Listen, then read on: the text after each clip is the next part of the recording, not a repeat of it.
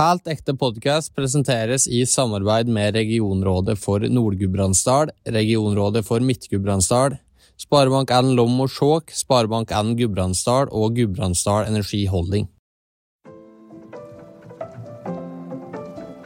Stol på deg sjøl og uh, grip uh, de mulighetene som kommer, sjøl om det betyr å gå litt utafor komfortsona.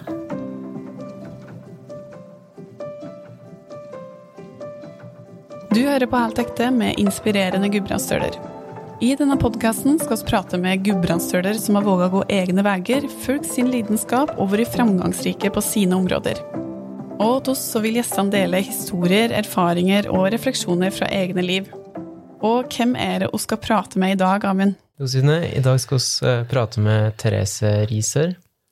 Hun har de siste fem åra vært kommunikasjonssjef i Finansdepartementet under tre finansministre, gjennom ei tid preget av både pandemi, inflasjon, energikrise og krig i Europa.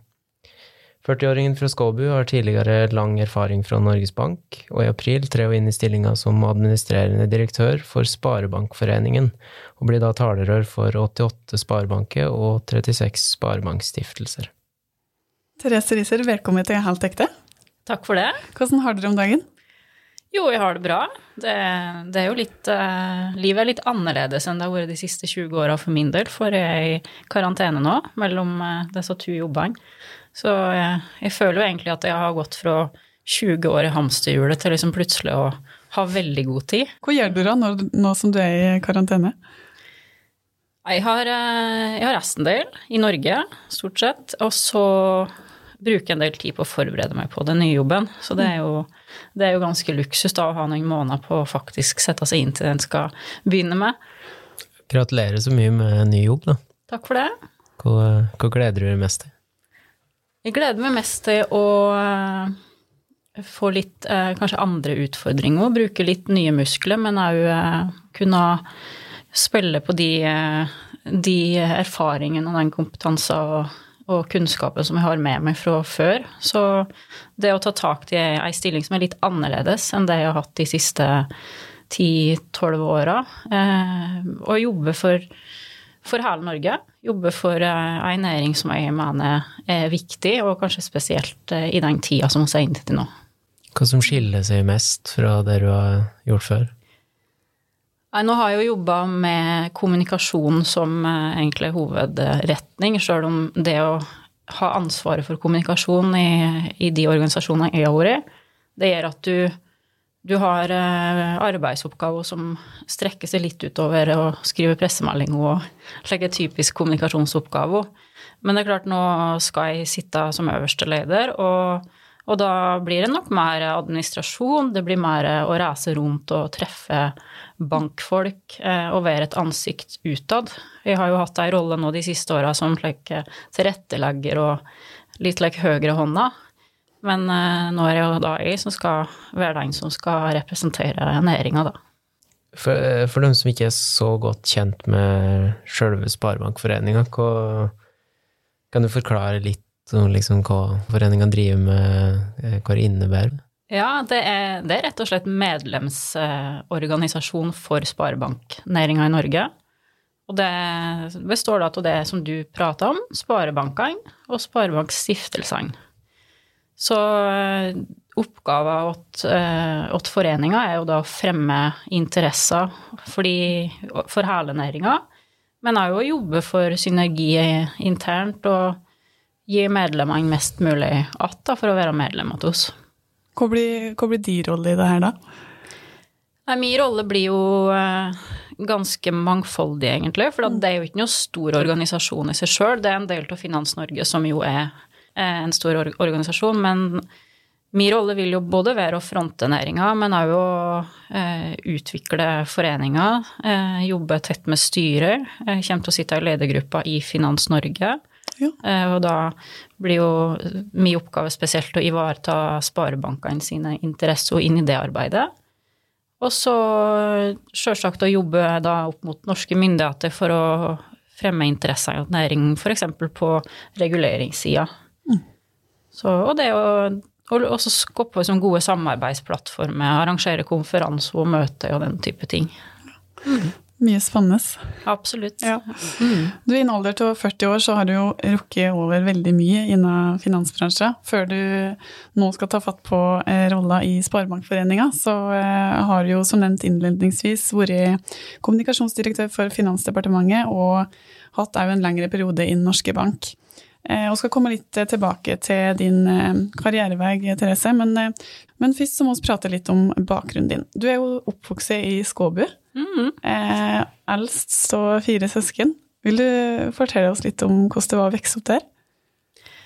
Ja, det, å vokse opp i Skåbu er jo eh, det, tror jeg litt, det er jo litt på godt og vondt å vokse opp på en så liten plass. Eh, For min del så har det vel vært mest på godt. Det er Jeg var heldig. Jeg, jeg hadde gode lærere, gode venner eh, og en familie rundt meg som, eh, som jeg Samla sett så ble det ei veldig fin pakke. Mm. Så, men jeg, jeg har jo faktisk eh, bodd i Ruste først. Ja, Jeg bodde der til jeg var ferdig på barneskolen. Ja. Så jeg flytta til Skåbu når jeg var 13 år, og så bodde jeg der til jeg var ferdig der på videregående. Så jeg har jo ikke bodd egentlig så mange år i Skåbu, men likevel så er det liksom Jeg er skåbying, da, føler jeg. Så det er noe med de åra der som er veldig viktige, tror jeg. Mm. Du gikk jo òg på eh, Vinstra videregående. Mm. Eh, hva- Hvordan var den tida der? Nei, det var, det var veldig fint. Jeg var, men jeg var nok i en fase der jeg på den tida kjente på at jeg ville ut. Så jeg, jeg søkte meg faktisk på videregående i Rælingen, for at jeg hadde besteforeldre der. Eh, og eh, ja, var lange i tvil, men så endte jeg opp med å velge Vinstra, da. Så allerede da så visste jeg at jeg kom til å flytte fra, fra Skåbu, i hvert fall for en periode, for å som, få litt mer luft under vingene. Hadde du, hadde du på en måte noen tydelige tanker om hvor du ønsket å bli eh, den tida der? Ja, eh, men det var helt noe annet enn det jeg ble. Ok, hva det? Nei, jeg, jeg skulle bli doktor. Det Ja. har jeg egentlig vært bestemt på mm, helt siden jeg var kanskje fem år. Eller, at det, det var det jeg ville. Jeg skulle studere medisin. Men så nærma jeg meg slutten av videregående, og så kjente jeg at jeg Nei, jeg var, ikke, jeg var ikke klar for det, å begynne å studere medisin. Så da, men da ble jeg veldig, veldig i tvil, da. For da var det sånn du har hatt en plan, og så plutselig så har du ikke en plan lenger. Og jeg hadde jo ikke lagt noen plan B, naturligvis. Så da eh, ble det egentlig litt tilfeldig. Eh, det, da tenkte jeg at jeg, ja, jeg tar forberedende på universitetet. Jeg tenkte samf inn av samfunnsfag. Og så starta jeg der, og så tenkte jeg egentlig kanskje statsvitenskap kunne være interessant.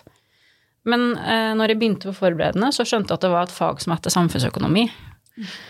Og da tenkte jeg at ja, men her kan jeg kanskje kombinere både samfunnsinteressen min og interessa min for matte. Så da, da ble det samfunnsøkonomi. Så det var veldig egentlig tilfeldig at jeg havna der jeg gjorde utdanningsmessig, og slik har jeg kanskje vært litt etterpå òg. Eh, Fra folk vi har prata med, Therese, så skjønte at du tidlig var opptatt av det å utnytte talentet ditt på best mulig måte, og hadde et ønske om å ha en positiv påvirkning på samfunnet. Eh, Hva var det som gjorde at økonomi ble det området der du kjente du kunne ha størst påvirkning? Jeg tror kanskje ikke jeg var så bevisst på å påvirke, men jeg, kanskje mer det å få utløp for den samfunnsinteressen. Og så tror jeg det med påvirkning har kommet litt mer like, senere. Eh, Etter jeg fikk unge og slik, så ble jeg mer opptatt av det å prøve å påvirke samfunnet i en retning som jeg mener er riktig, da. Så, men jeg tror det, det, å, det å få lov til å jobbe med eh, noe der jeg kan bruke samfunnsinteressen mi på en eller annen måte, det har jeg nok skjønt, eh, skjønt lenge at jeg hadde behov for. Hvor kommer den samfunnsinteressen fra? Jeg tror det er litt forskjellige ting. Jeg tror det er litt eh, både kost, kosten er sikkert som person, eh, men òg eh, Jeg vet i hvert fall jeg hjemme rundt middagsbordet, så det var mye samfunnsdebatt, i hvert fall mellom meg og, og pappa. Så eh, det gikk ei kule varmt der òg iblant, for vi var ikke så veldig enige støtt. Eh, og så, Og så har jeg vært veldig heldig med lærerne mine. Eh, I Skåbu hadde lærere der som, som, som fyra litt opp under i samfunnsinteresser.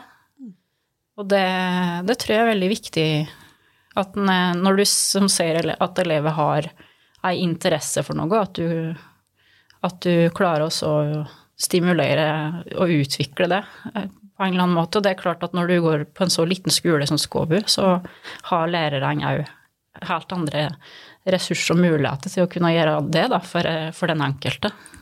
Hadde du da en retning, altså, eller en tanke om hvordan du ønsker å påvirke?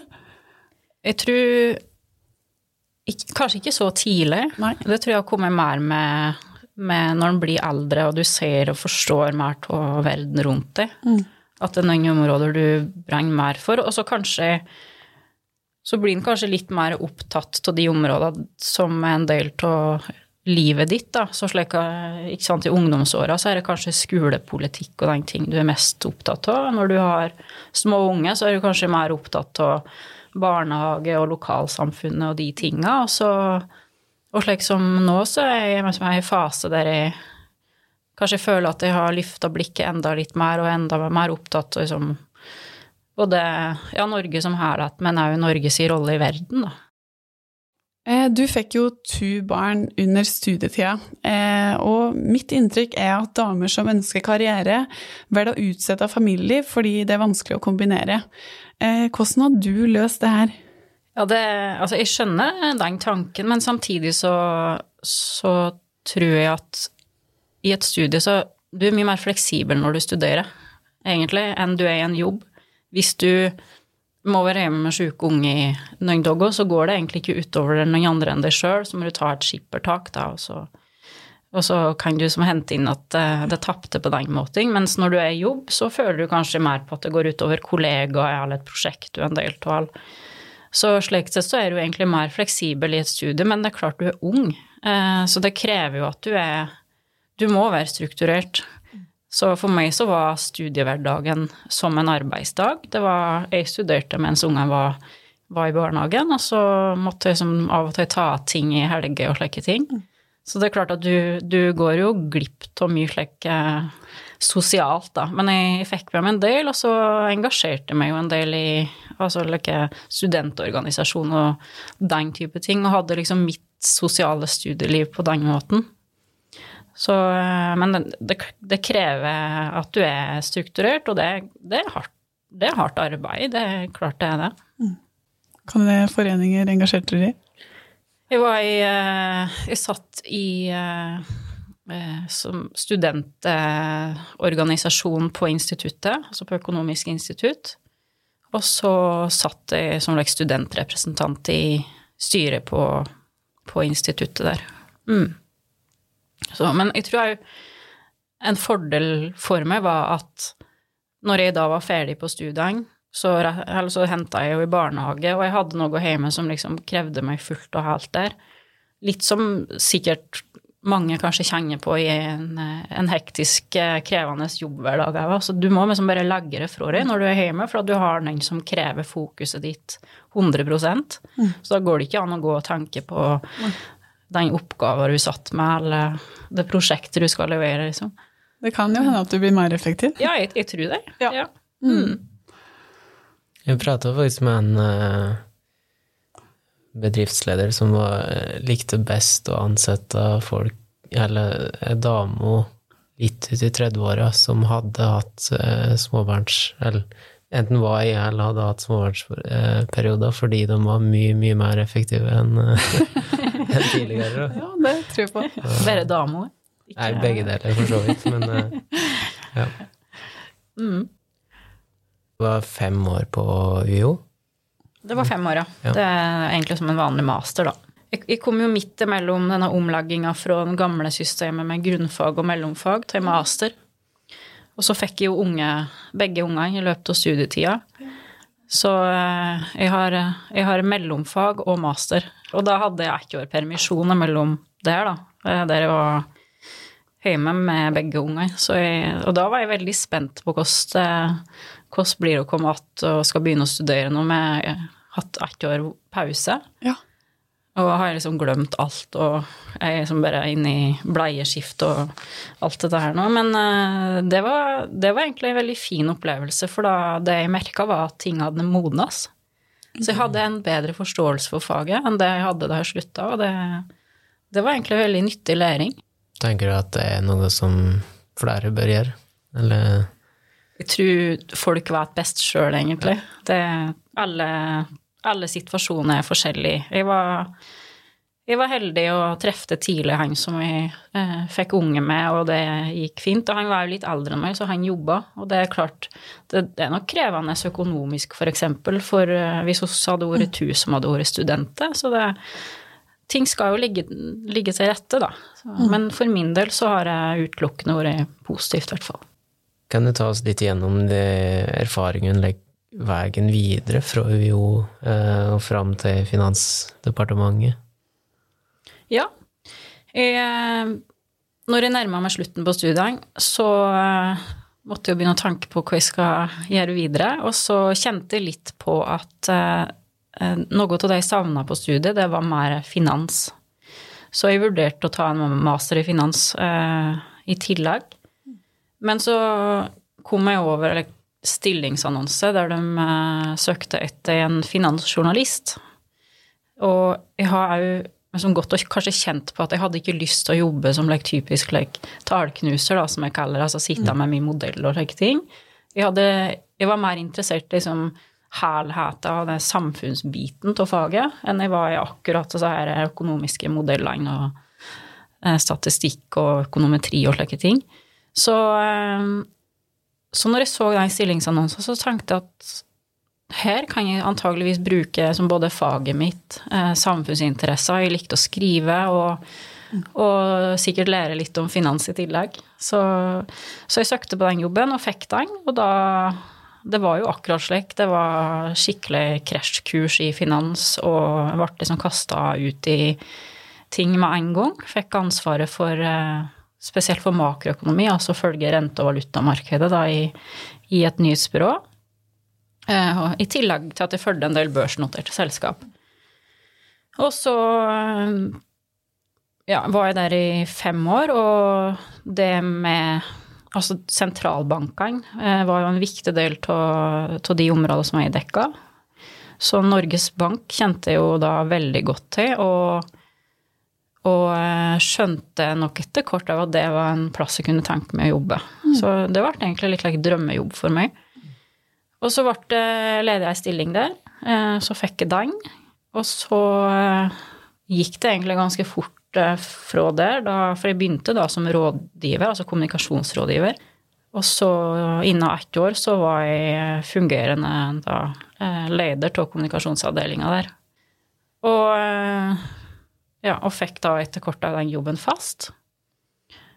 Og da, da, var jeg Da tenkte jeg meg sånn like, Oi, herregud, nå er jeg så vidt over 30 år og har fått drømmejobben, og skal jeg sitte her i 40 år? Altså, da begynte de tankene å komme etter hvert.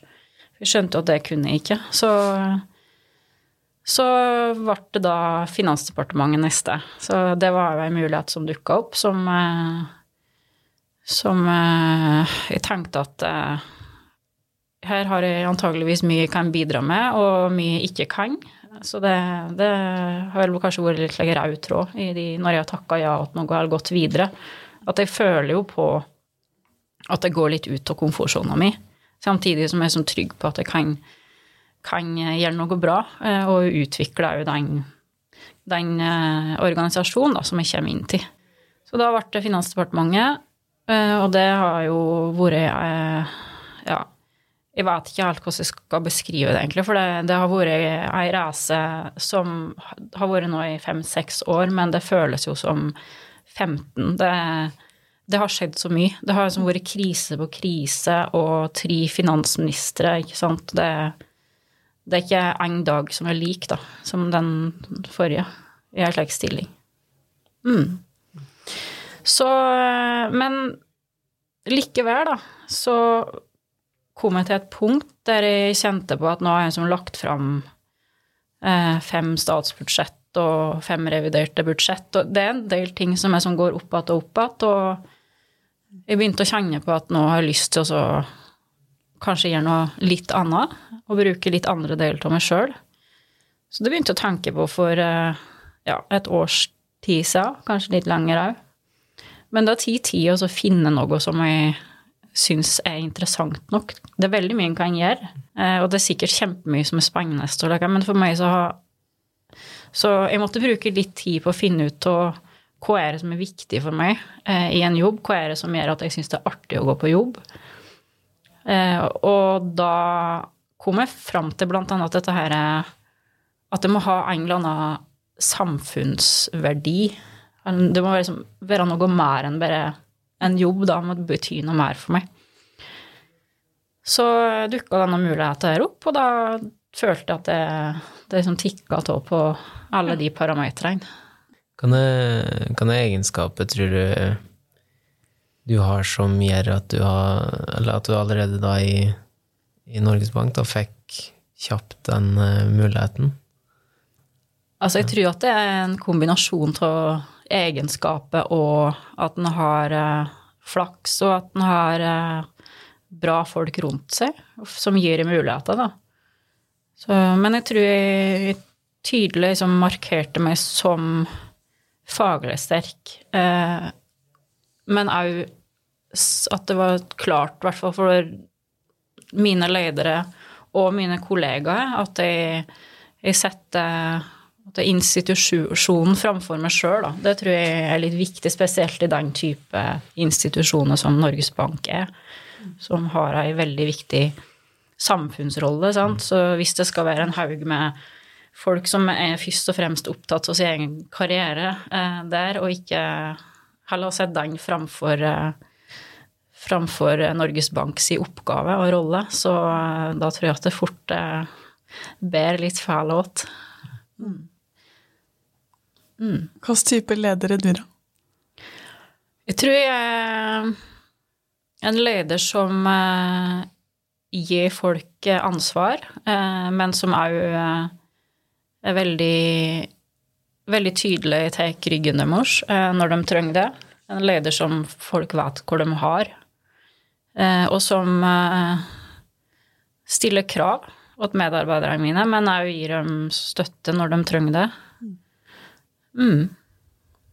I samtale med finansråd Hans Henrik Scheel fra Finansdepartementet, så prater han om de tingene du er inne på nå, Therese. Og det han beskrev da, som var spesielt med det, er at du er så til stede mentalt og fysisk i jobben din. Eh, og jeg tenker jo det sier mye om det som person. Eh, hvorfor mener du det er så viktig å være hands on? Jeg tror at eh, for det første så er det jo Det gjør jo jobben din veldig mye mer interessant å, å være hands on. Og det, for meg så er jo det motivasjon og engasjement. Men for meg så har det vært viktig å skjønne Skjønne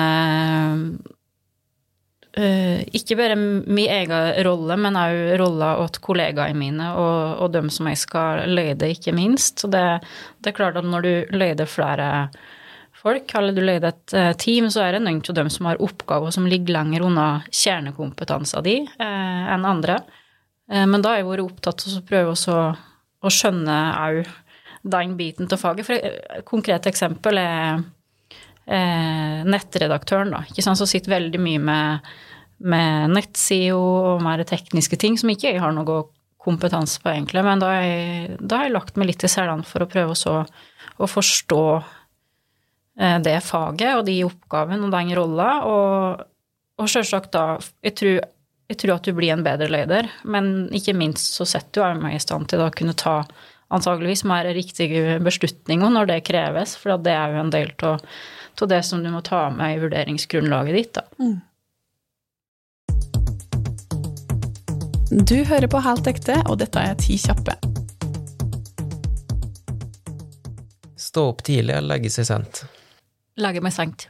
Dersom du ikke skulle bo i Norge, hvilket land ville du bodd i? Danmark. En ting du ikke kan leve ut av? Familie og gode venner. Fors eller nach? Nach. Komfortabelt eller pent kledd? Komfortabelt. Mandag eller fredag? Fredag. Individualist eller lagspiller? Individualist. Vin eller øl? Vin. Støtt 20 minutter for tidlig ute, eller 10 minutter for sen? Eh, nok mer 10 minutter for tidlig. Favorittplass i Gudbrandsdalen? Det er Skalfjellet i Skåbu.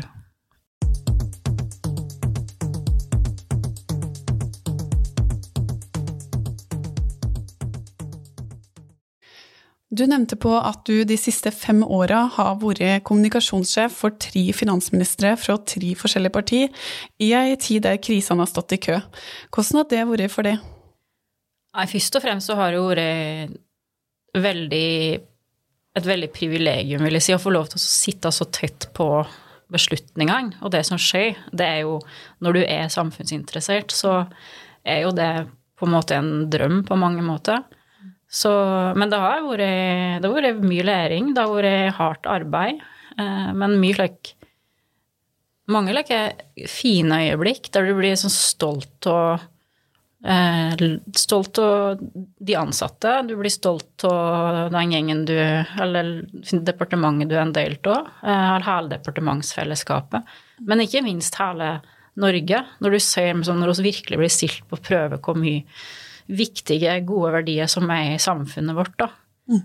Det, det, er det som tar med meg kanskje først og fremst. Så det er klart det, det har vært det har vært mange lange eh, arbeidsdager, eh, og det er mange beslutninger som blir tatt med veldig stor usikkerhet.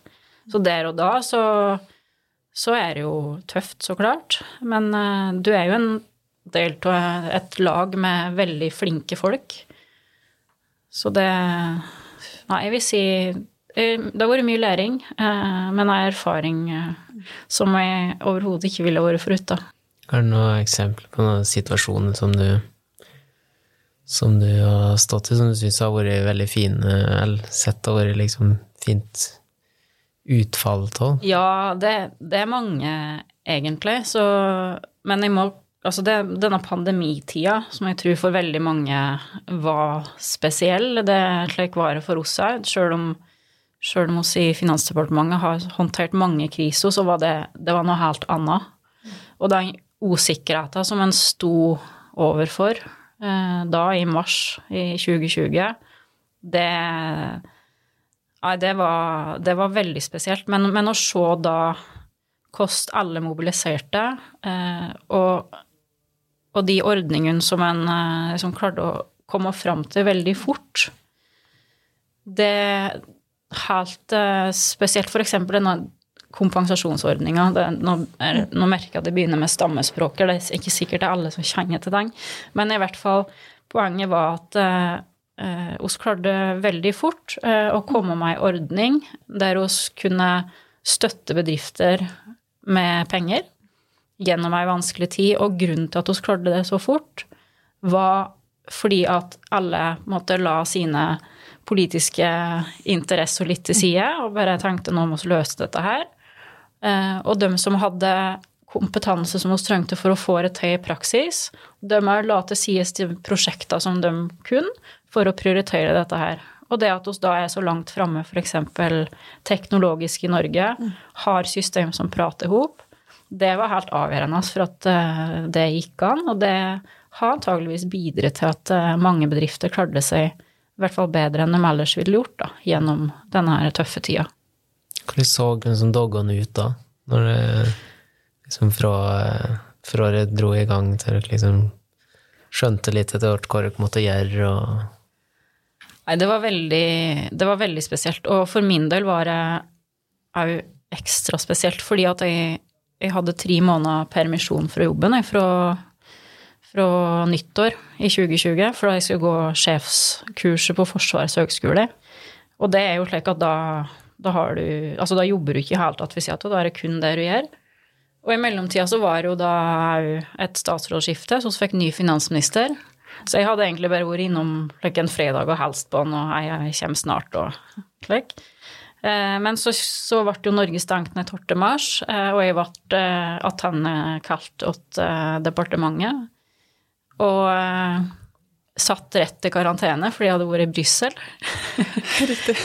så så jeg, jeg starta egentlig bare med å sende en mail til uh, ny finansminister og statssekretæren og bare Hei, vi uh, får hilse senere, men nå er det mye dere må forholde dere til. så, så, det var liksom starten vår. Og så allerede da første helga etterpå så la jo uh, la jo Heng da i hop med statsminister fram første krisepakka. Så da skrev jeg jo talepunkt til den, uten å ha liksom møtt den fysisk, like, i hvert fall i, eh, på kontoret i den rolla, da.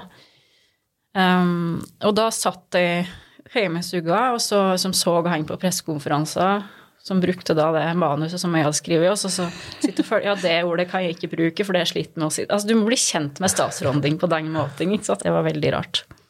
Så, også, men vi jobba Altså, da jobba oss dag og natt, bokstavelig talt. Vi eh, hadde telefonmøter med LO, NHO og andre departementer like, midt på natta. Dette var jo før vi hadde fått noen Teams. Så det hadde jo ikke oss opp å stå i den gangen. Det tok litt tid. Så det gikk på telefon. Um, og så Og jeg var jo òg da leder for en gjeng som uh, plutselig var liksom sett på hjemmekontor og Og jeg har, jeg, som kommunikasjonssjef i Finansdepartementet så har du òg den etaten under det, altså skatteetaten og tolletaten og eh, ja, oljefondet, blant annet, eh, SSB, som så det er klart at de òg fikk jo sine roller i denne pandemihåndteringa, så da heller kontakta da med kommunikasjonsteama der var jo òg en del av jobben min å prøve å oppdatere dem når det kom beslutninger fra regjeringa, f.eks. Hvis jeg fikk vite om ting som jeg tenkte at det var kjekt for dem å vite. Så det var veldig Du måtte jo jobbe på en helt ny måte, og så hadde du veldig egentlig veldig mange som du skulle forholde deg til, eh, og helst eh, mm. flere ganger om dagen. Så det var, det var litt kaotisk i starten, men så fant vi oss våre metoder etter kort. Mm. Ja, det høres heftig ut. det var en krevende tid, virkelig. Så, men òg fordi Fordi eh, eh, i, i min rolle så er du på en måte et slags ikke på samme måten som finansministeren, så klart, men du blir litt like talerør for, eh, for Finansdepartementet fordi telefonnummeret ditt står på nettsida og på pressemelding og slike ting, ikke sant. Så jeg ble jo kontakta av veldig mange, bedriftseiere spesielt, som eh, var fortvila. De var redde. Visste liksom ikke hva som skjedde, og hva de skulle gjøre. Eh, og det er ganske mye tøffere eh, enn å sitte og forholde deg til mer like tekniske ting. Si. altså, når folk som er i en fortvila situasjon, ringer deg og sender e-post og like, det, det går inn på meg på en helt annen måte. Så, så det jeg gjorde, var at jeg veldig tidlig eh, sa at eh, alle skal få svar. Alle som kontakter oss, skal få svar. Jeg vet at uh, kommer ikke til å kunne gi dem antageligvis det svaret de vil ha, men de skal ikke føle at de prater et svart hol. Så eh, i starten så satt jeg på natta eh, og svarte dem eh, sjøl, men så gikk det jo ikke så lang tid for jeg skjønte at det var ikke helt bærekraftig opplag. Så jeg, jeg satte av en av mine ansatte som satt 100 eh, og svarte liksom, ja, veldig mye næringsliv, men også privat, sjølsagt. Eh, og så logga hun selvsagt like standardsvar da, som, eh, som vi kunne bruke opp igjen og opp igjen. Ja, ikke sant. Ja. Mm. Du har jo vært sterkt involvert i prosessen bak å skrive taler og foredrag for, eh, for andre i Finansdepartementet. Er det en selvfølgelig rolle som kommunikasjonssjef, eller er det noe du personlig har vært opptatt av?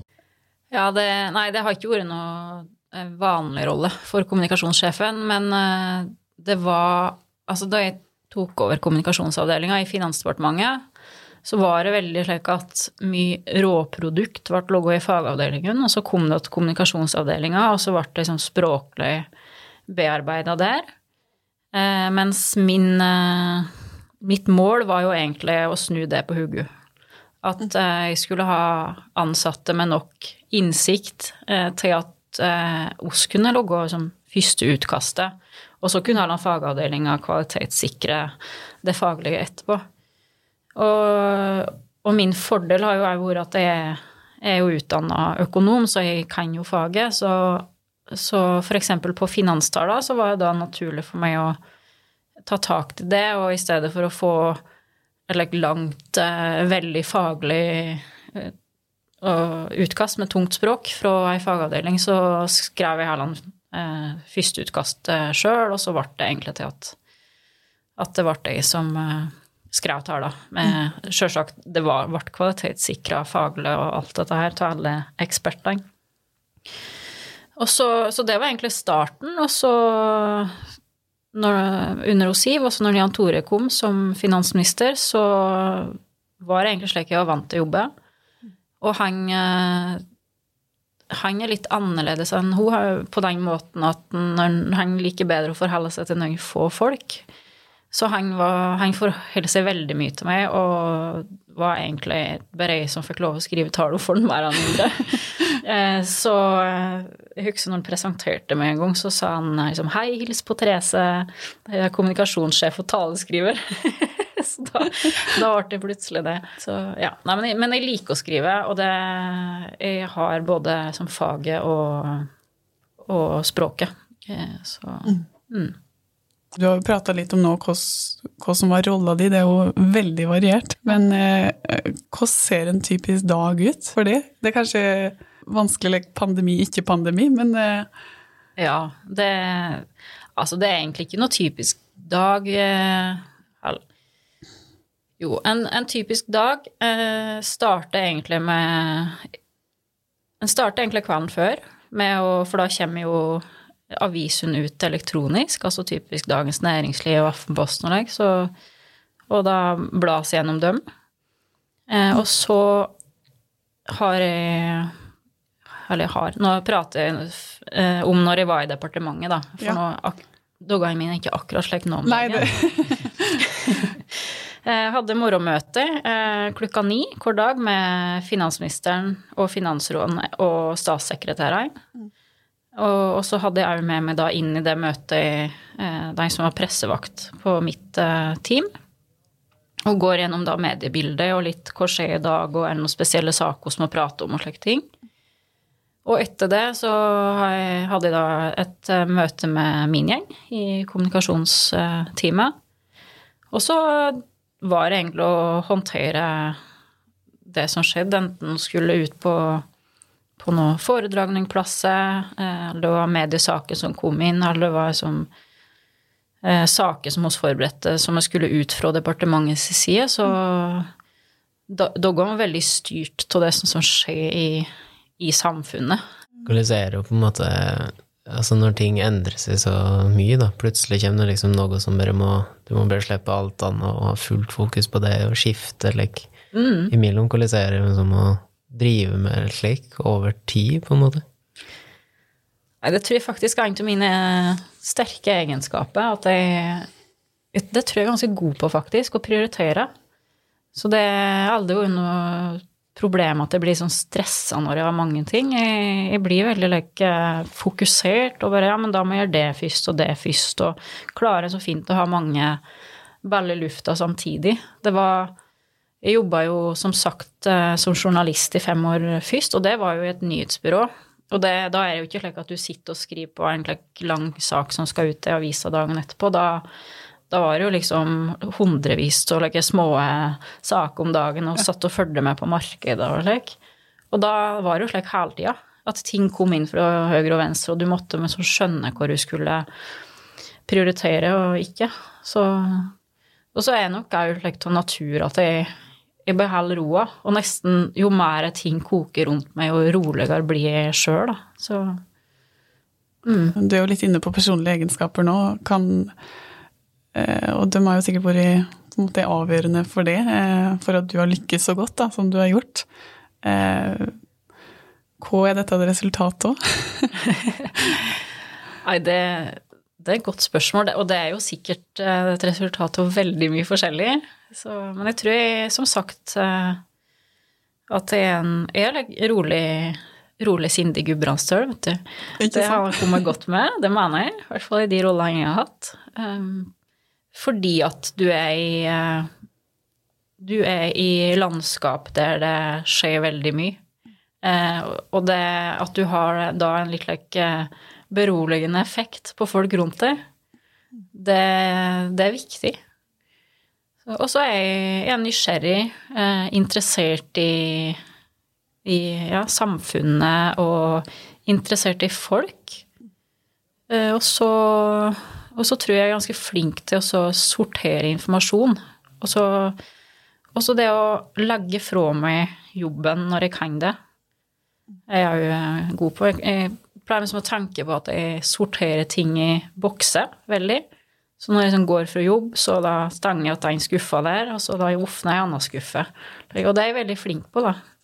Er det verktøy du bruker gjennom hele dagen?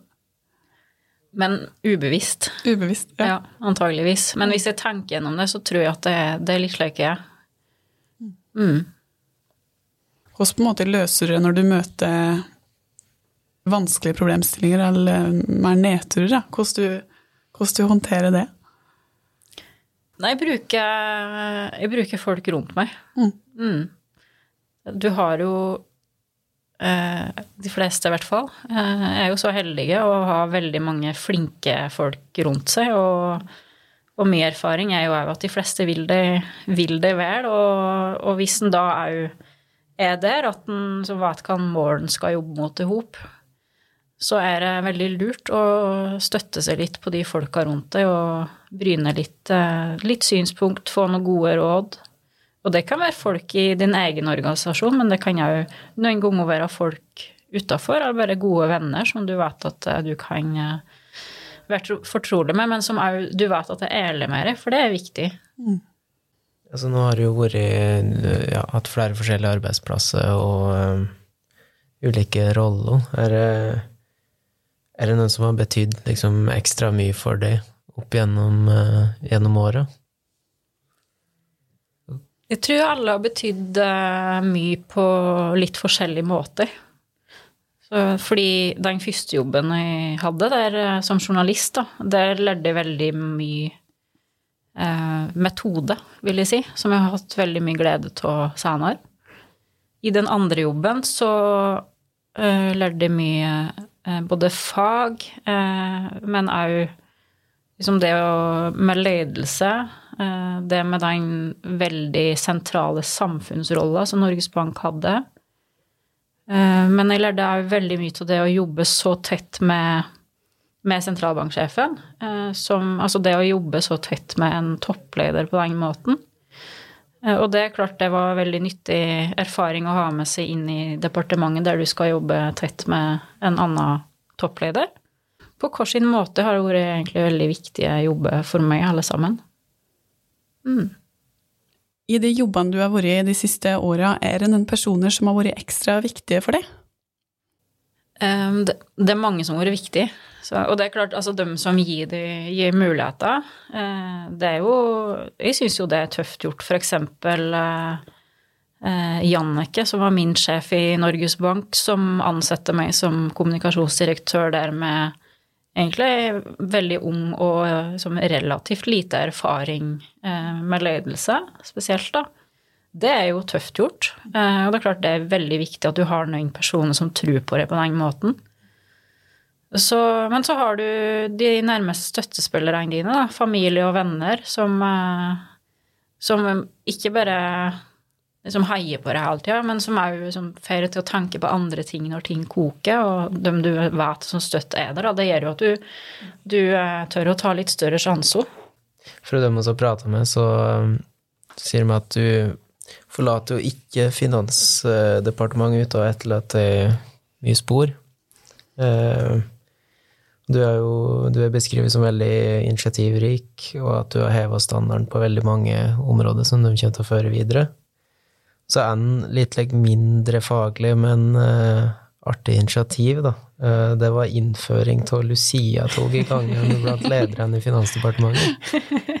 Hvor kom den ideen fra? Ja, uh, ja, jeg har litt jeg har noen ideer iblant. Så det hender, det. Og det er, det er, jo artig når du har folk som faktisk kaster med å, å, bli med, da. Så nei, jeg tenkte at eh, det kunne være en hyggelig ting. Eh, så må vi by litt på oss sjøl, oss som er, er ledere her. Og det var, med, det var da Siv Jensen var finansminister. Så der hadde vi en naturlig Lucia med lyst hår. så Nei da, så det jeg tenkte det er et hyggelig gest for de ansatte. Så Finansdepartementet er jo da en eh, det, er sikkert ikke så mange som har vært innafor det tjukke murveggene der, men det er da eh, seks etasjer som, der du kan gå liksom rundt, da. Ja. Eh, så starta i bunnen, og så gikk vi runder, og så opp ei tropp, og så neste runde, og så hadde vi med oss Lucia Eller ikke lussekatter, da. Så det var ikke da annonsert på forhånd. Det var en hyggelig overraskelse for de ansatte når ledergruppa og politisk ledelse gikk og sang eh, Lucia-sangen eh, så det ljoma i gangen. Eh, Finansnæringa har jo en høy andel kvinnelige ledere sammenlignet med andre norske næringer. Hvor fjerde administrerende direktør i finansnæringa er kvinne. Eh, og den har hatt en økning fra 2015 til 2022. Og det er jo gledelig å lese. Eh, hva tenker du om altså, Hvordan skal vi få flere kvinner til å ta sentrale lederposisjoner? Nei, altså som du er inne på, så tenker jeg at hun er på god vei, da. Mm. Så hun gjør jo åpenbart eh, mye riktig. Så, og det ser du òg på eh, antall kvinner som tar høyere utdanning, f.eks. Og, og sam, veldig mye i samfunnet vårt eh, blir jo eh, lagt til rette for at både eh, kvinner og meg, altså uansett hvilket kjønn du har, da, så skal du kunne ta eh, og jobbe med det som, mm. som du er best egnet til. Så jeg tenker at eh, det er gledelig utvikling. Jeg tenker at vi må fortsette å heie på hverandre. Eh, ikke bare damer og heie på damer, men eh, alle, og kanskje viske litt ut det her kjønnsskillet. Jeg, syns kanskje noen ganger at vi er litt for opptatt av det. Ja. Eh, at hos, jeg synes Det er veldig bra at en setter fokus på det, at det fortsatt er forskjeller. Jeg mener ikke annet, det må vi selvsagt prate om. Det er veldig mange gode initiativ vet jeg, i, i finansnæringa.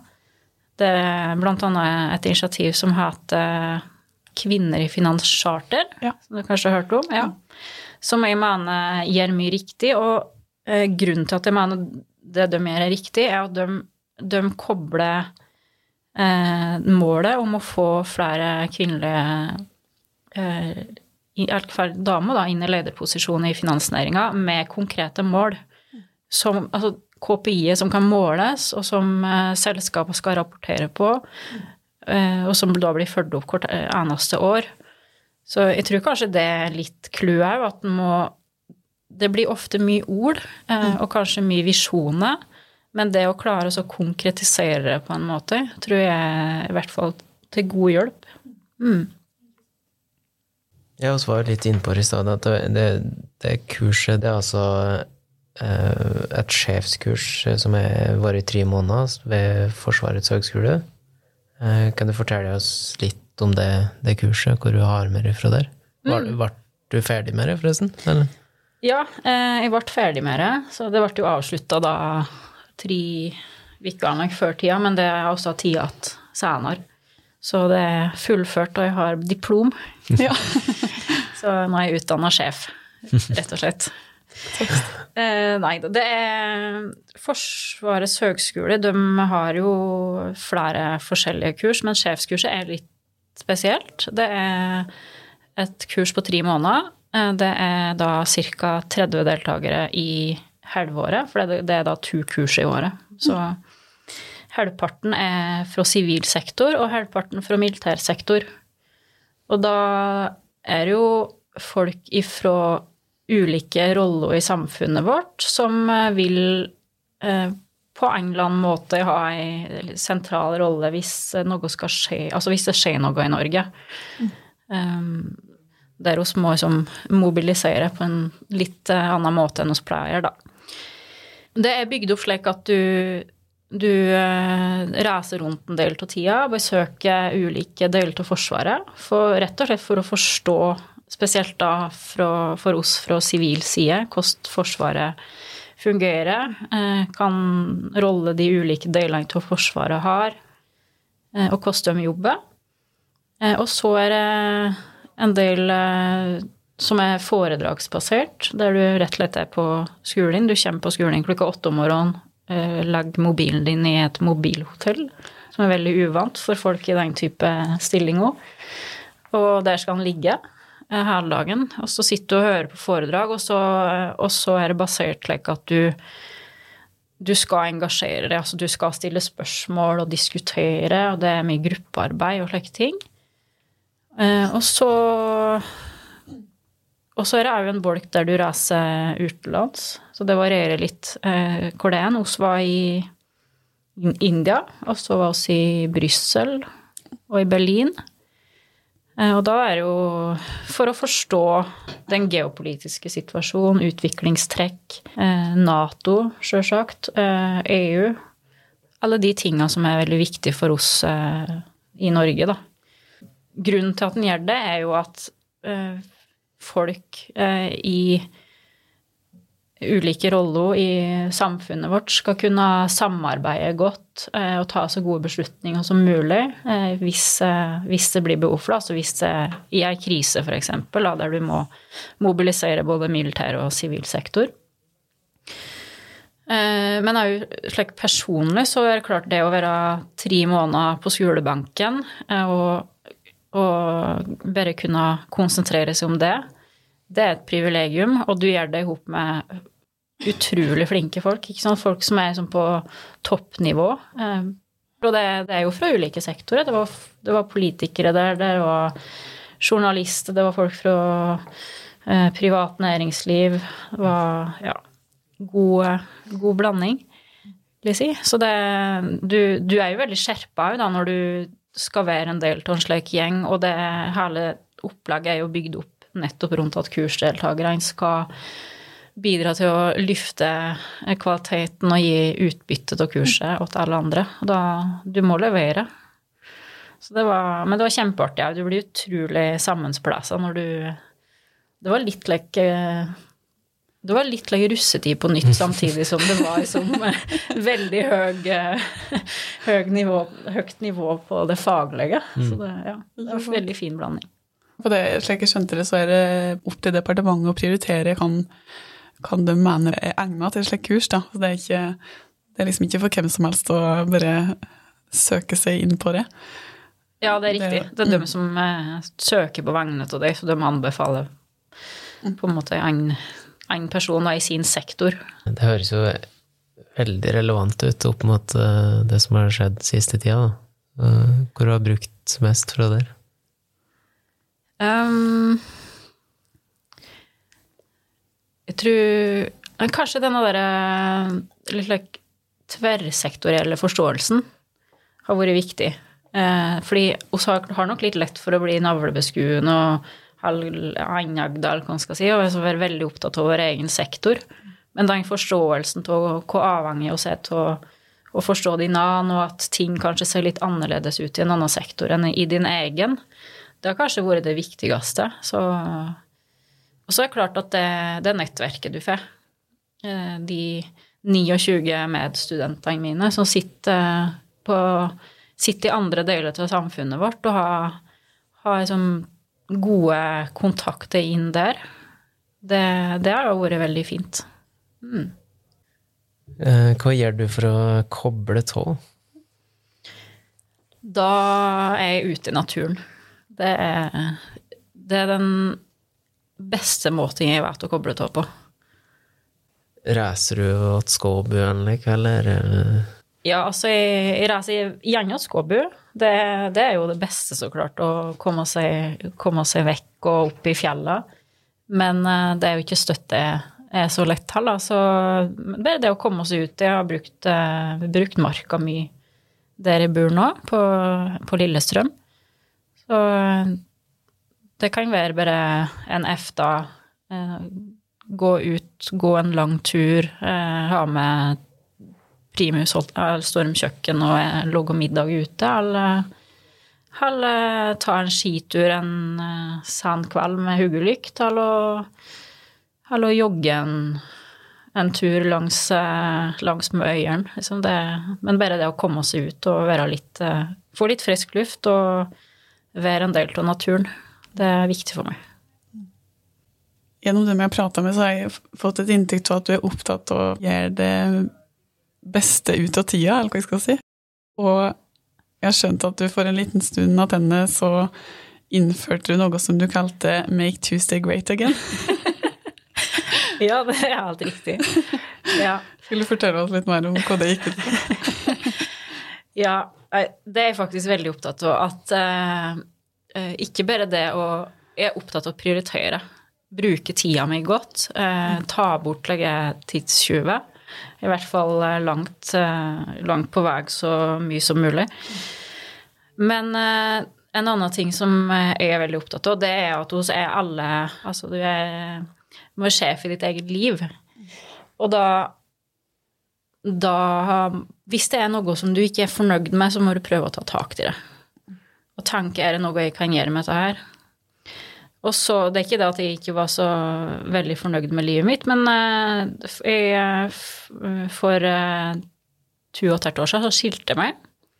Og flytte i leilighet. Flytte fra, fra stor enebolig i leilighet. Og så Da var jo ungene litt åt eksmannen min, litt om meg, og så så plutselig så satt jeg der, da, for meg sjøl i ei leilighet midt i Oslo sentrum, og så tenkte jeg liksom Ja, jeg, jeg er egentlig fornøyd med livet. Og så tenkte jeg at ja, jeg er egentlig fornøyd med livet. Det det er egentlig veldig bra.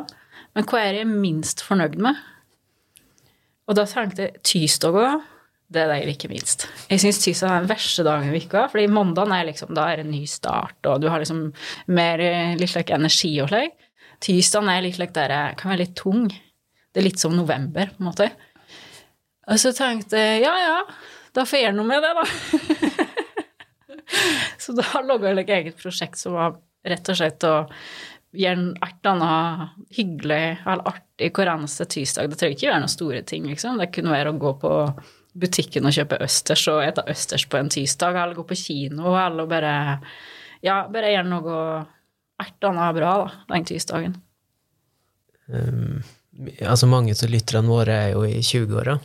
Um, og det er jo liksom formende tid da, for, eh, for mange. Hva, hva skulle du ønske, altså Hvis du ser litt like tennene nå, hva, hva, skulle du ønske at du visste da, eh, som du vet nå? Um, jeg tror jeg skulle ønske at jeg kanskje var litt tryggere på Tryggere på um, at uh, jeg har noe å bidra med. Skjønner du hva jeg mener? Altså, at vær trygg på at du er der du er av en grunn. Eh, når folk spør deg om noe, eh, så er det for at de mener at du faktisk har noe vedtak å komme med. Vær litt tryggere på seg sjøl. Jeg tror for meg så var i hvert fall det Det syns jeg var veldig godt med å bli 30 og være i 30-åra, at du blir liksom Du blir modnere, du blir tryggere til deg sjøl. Så, så det er liksom Bare føle at den er bra nok, da. At den strekker til, og at eh, det er en grunn til at folk eh, spør deg om ting.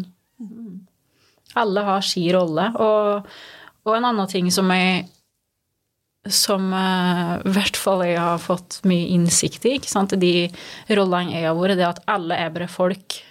Enten du er finansminister eller sentralbanksjef eller statsminister eller helt toppleder i et stort selskap, så du er bare Alle er bare folk. Alle, er, alle har sine ting de er usikre på. Alle har sterke sider og svake sider, ting de kan, ting de ikke kan. Ikke det er en grunn til at folk legger stilling og har et stort apparat med flinke folk rundt seg. Og det har vært viktig for deg å ha altså, Hvilket apparat har du hatt uh, i, det, i den stillinga du hadde nå eh, sist? Uh, jeg har jo hatt veldig flinke eh, medarbeidere, i, både i avdelinga mi, men òg et veldig godt nettverk i, kommunikasjons... At de andre kommunikasjonssjefene i departementet har også har møte én til to ganger i uka. Så det er klart det er et veldig viktig kollegium. Men, men ledergruppa i departementet, som jeg har vært en del av, er jo òg en, en, viktig del av apparatet rundt den. Så det kommer jo litt an på, på problemstillinga.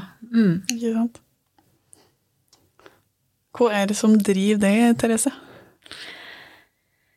Det tror jeg har variert litt opp gjennom, eh, opp gjennom, livet. Men eh, det som driver meg nå i dag, det er å eh, jobbe for det som jeg tror på. Eh, prøve å bidra på min måte til at eh, Norge fortsetter å bli, eh, være et land som er bra å bo i, og at oss òg på vår måte kan bidra til til verden på en, eh, på en god måte. Vi har jo veldig mye ressurser, så, men de har ikke kommet til oss sjøl, de heller. Så vi må både klare oss å ta vare på dem eh, og fortsette å ta kloke valg, slik at vi ikke på en måte roter bort, eh, roter bort mulighetene våre. Fordi OCEU er jo avhengig av å kunne ha de ressursene for å kunne bidra, både utenfor våre grenser, men òg for at for at uh, framtidige generasjoner skal ha muligheter til å leve godt eh, slik som oss gjør. Hvilke tanker uh, har du om framtida nå? Akkurat nå så gleder jeg meg bare til å begynne i ny jobb. Det, det blir jo sikkert altoppslukende i perioder, vil jeg tro. Så det, det, det, er egentlig så langt i, i tanke akkurat nå å komme inn i den jobben på en god måte og ta tak i de tinga der som jeg har planer om å ta tak i. Så i hvert fall min erfaring at eh, det er ikke så Ting blir som regel ikke slik en tror uansett. Det er jo mer å gjøre det beste ut av det og være til stede og være fokusert på det du driver med der og da. Ikke tenke så mye på hva som skjer om tre år eller fem år. egentlig. Hvordan ønsker du å påvirke eller forme en organisasjon framover? Først og fremst eh, at det blir en organisasjon som er relevant for medlemmene, eh, og fortsetter å være relevant. Fordi det er veldig mye som skjer i, annet på reguleringssida, og ikke minst òg i, i uh, samfunnet vårt ellers, som, som gjør at uh, sparebankene uh, kommer til å bli påvirka på, på, en eller annen måte. Så det, det, at det blir en organisasjon som de føler at de har nytte av å være med til, og som kan hjelpe dem til å fortsette å fylle den viktige rolla som de gjør i samfunnet vårt. Og så håper jeg å skape en sånn engasjement. Jeg er veldig opptatt av samfunnsoppdraget i sparebanknæringa, og jeg tror at det å jobbe aktivt for at hver enkelt person som jobber i næringa, som kjenner litt på det samfunnsoppdraget, kjenner på stoltheten over å være en del av det, kjenner på sånn lagfølelsen i hele næringa. Hvis jeg kan være en kraft som kan bidra til, til, det, så tror jeg at den både kan gjøre en forskjell for, eh, for eh, folk eh, når de går på jobb. Så, og da tror jeg jo at det kommer gode gevinster ut av det, men jeg tror òg at det er bra for landet vårt. Hva er på en måte forholdet ditt til Gudbrandsdalen i dag? Jeg, altså Gudbrandsdalen er jo hjemme for meg. Det, det, er ingen tvil om det, og jeg, jeg er veldig stolt av å komme fra Gudbrandsdalen. Og jeg er jo mye her på, i ferie og helger og slike ting, hjemme i Skåbu. Så jeg har ikke slik Yrkesmessig så har jeg jo ikke egentlig jobba like, noe med Gudbrandsdalen, men det er klart, eh, jeg ser jo, jeg ser jo absolutt eh, verdien av en del egenskaper som du får med deg når du er oppvokst på litt mindre plasser. Det tror jeg teamet tar med meg videre i livet, og hatt mye glede av, da. Hvilken type egenskaper er det? Jeg tror um, både denne derre Det at du blir tvinga til å uh, gjennom hele oppveksten som foreldre til de folka du har å forholde deg til, og det er jo forskjellige folk. Det er ikke slik at du ti veldig tidlig kan være som stake ut eh, din krets med folk som er helt lik deg sjøl. Du må forholde deg hele tida til folk som er veldig annerledes enn deg sjøl. Eh, og så eh, Og så eh, Jeg tror hun er litt like Hun er litt like sindig folkeslag oppi her. Som like Når jeg sier at jeg liksom beholder roa i, i stressa situasjoner, liksom, jeg føler at det er en sånn gudbrandsdøren til meg. Så Og så er det kanskje noe med det å være fra små plasser som gir du, Ja, du må, litt, du må finne på ting sjøl, når du er unge, eksempel. Du må være litt mer sjølstendig. Finne på ting, lakere for deg sjøl. Og hvis du er litt annerledes, så må du tørre å eh, skille deg litt ut der, for det gjør du jo veldig fort. Om du skulle gitt ett råd til en ung gudbrandsdøl i dag, hva ville det vært? Stol på deg sjøl, og eh, grip eh, de mulighetene som kommer, sjøl om det betyr å gå litt utafor komfortsona. Therese Riiser, tusen takk for at du kom til Helt ekte. Jeg heter Amund Gryting.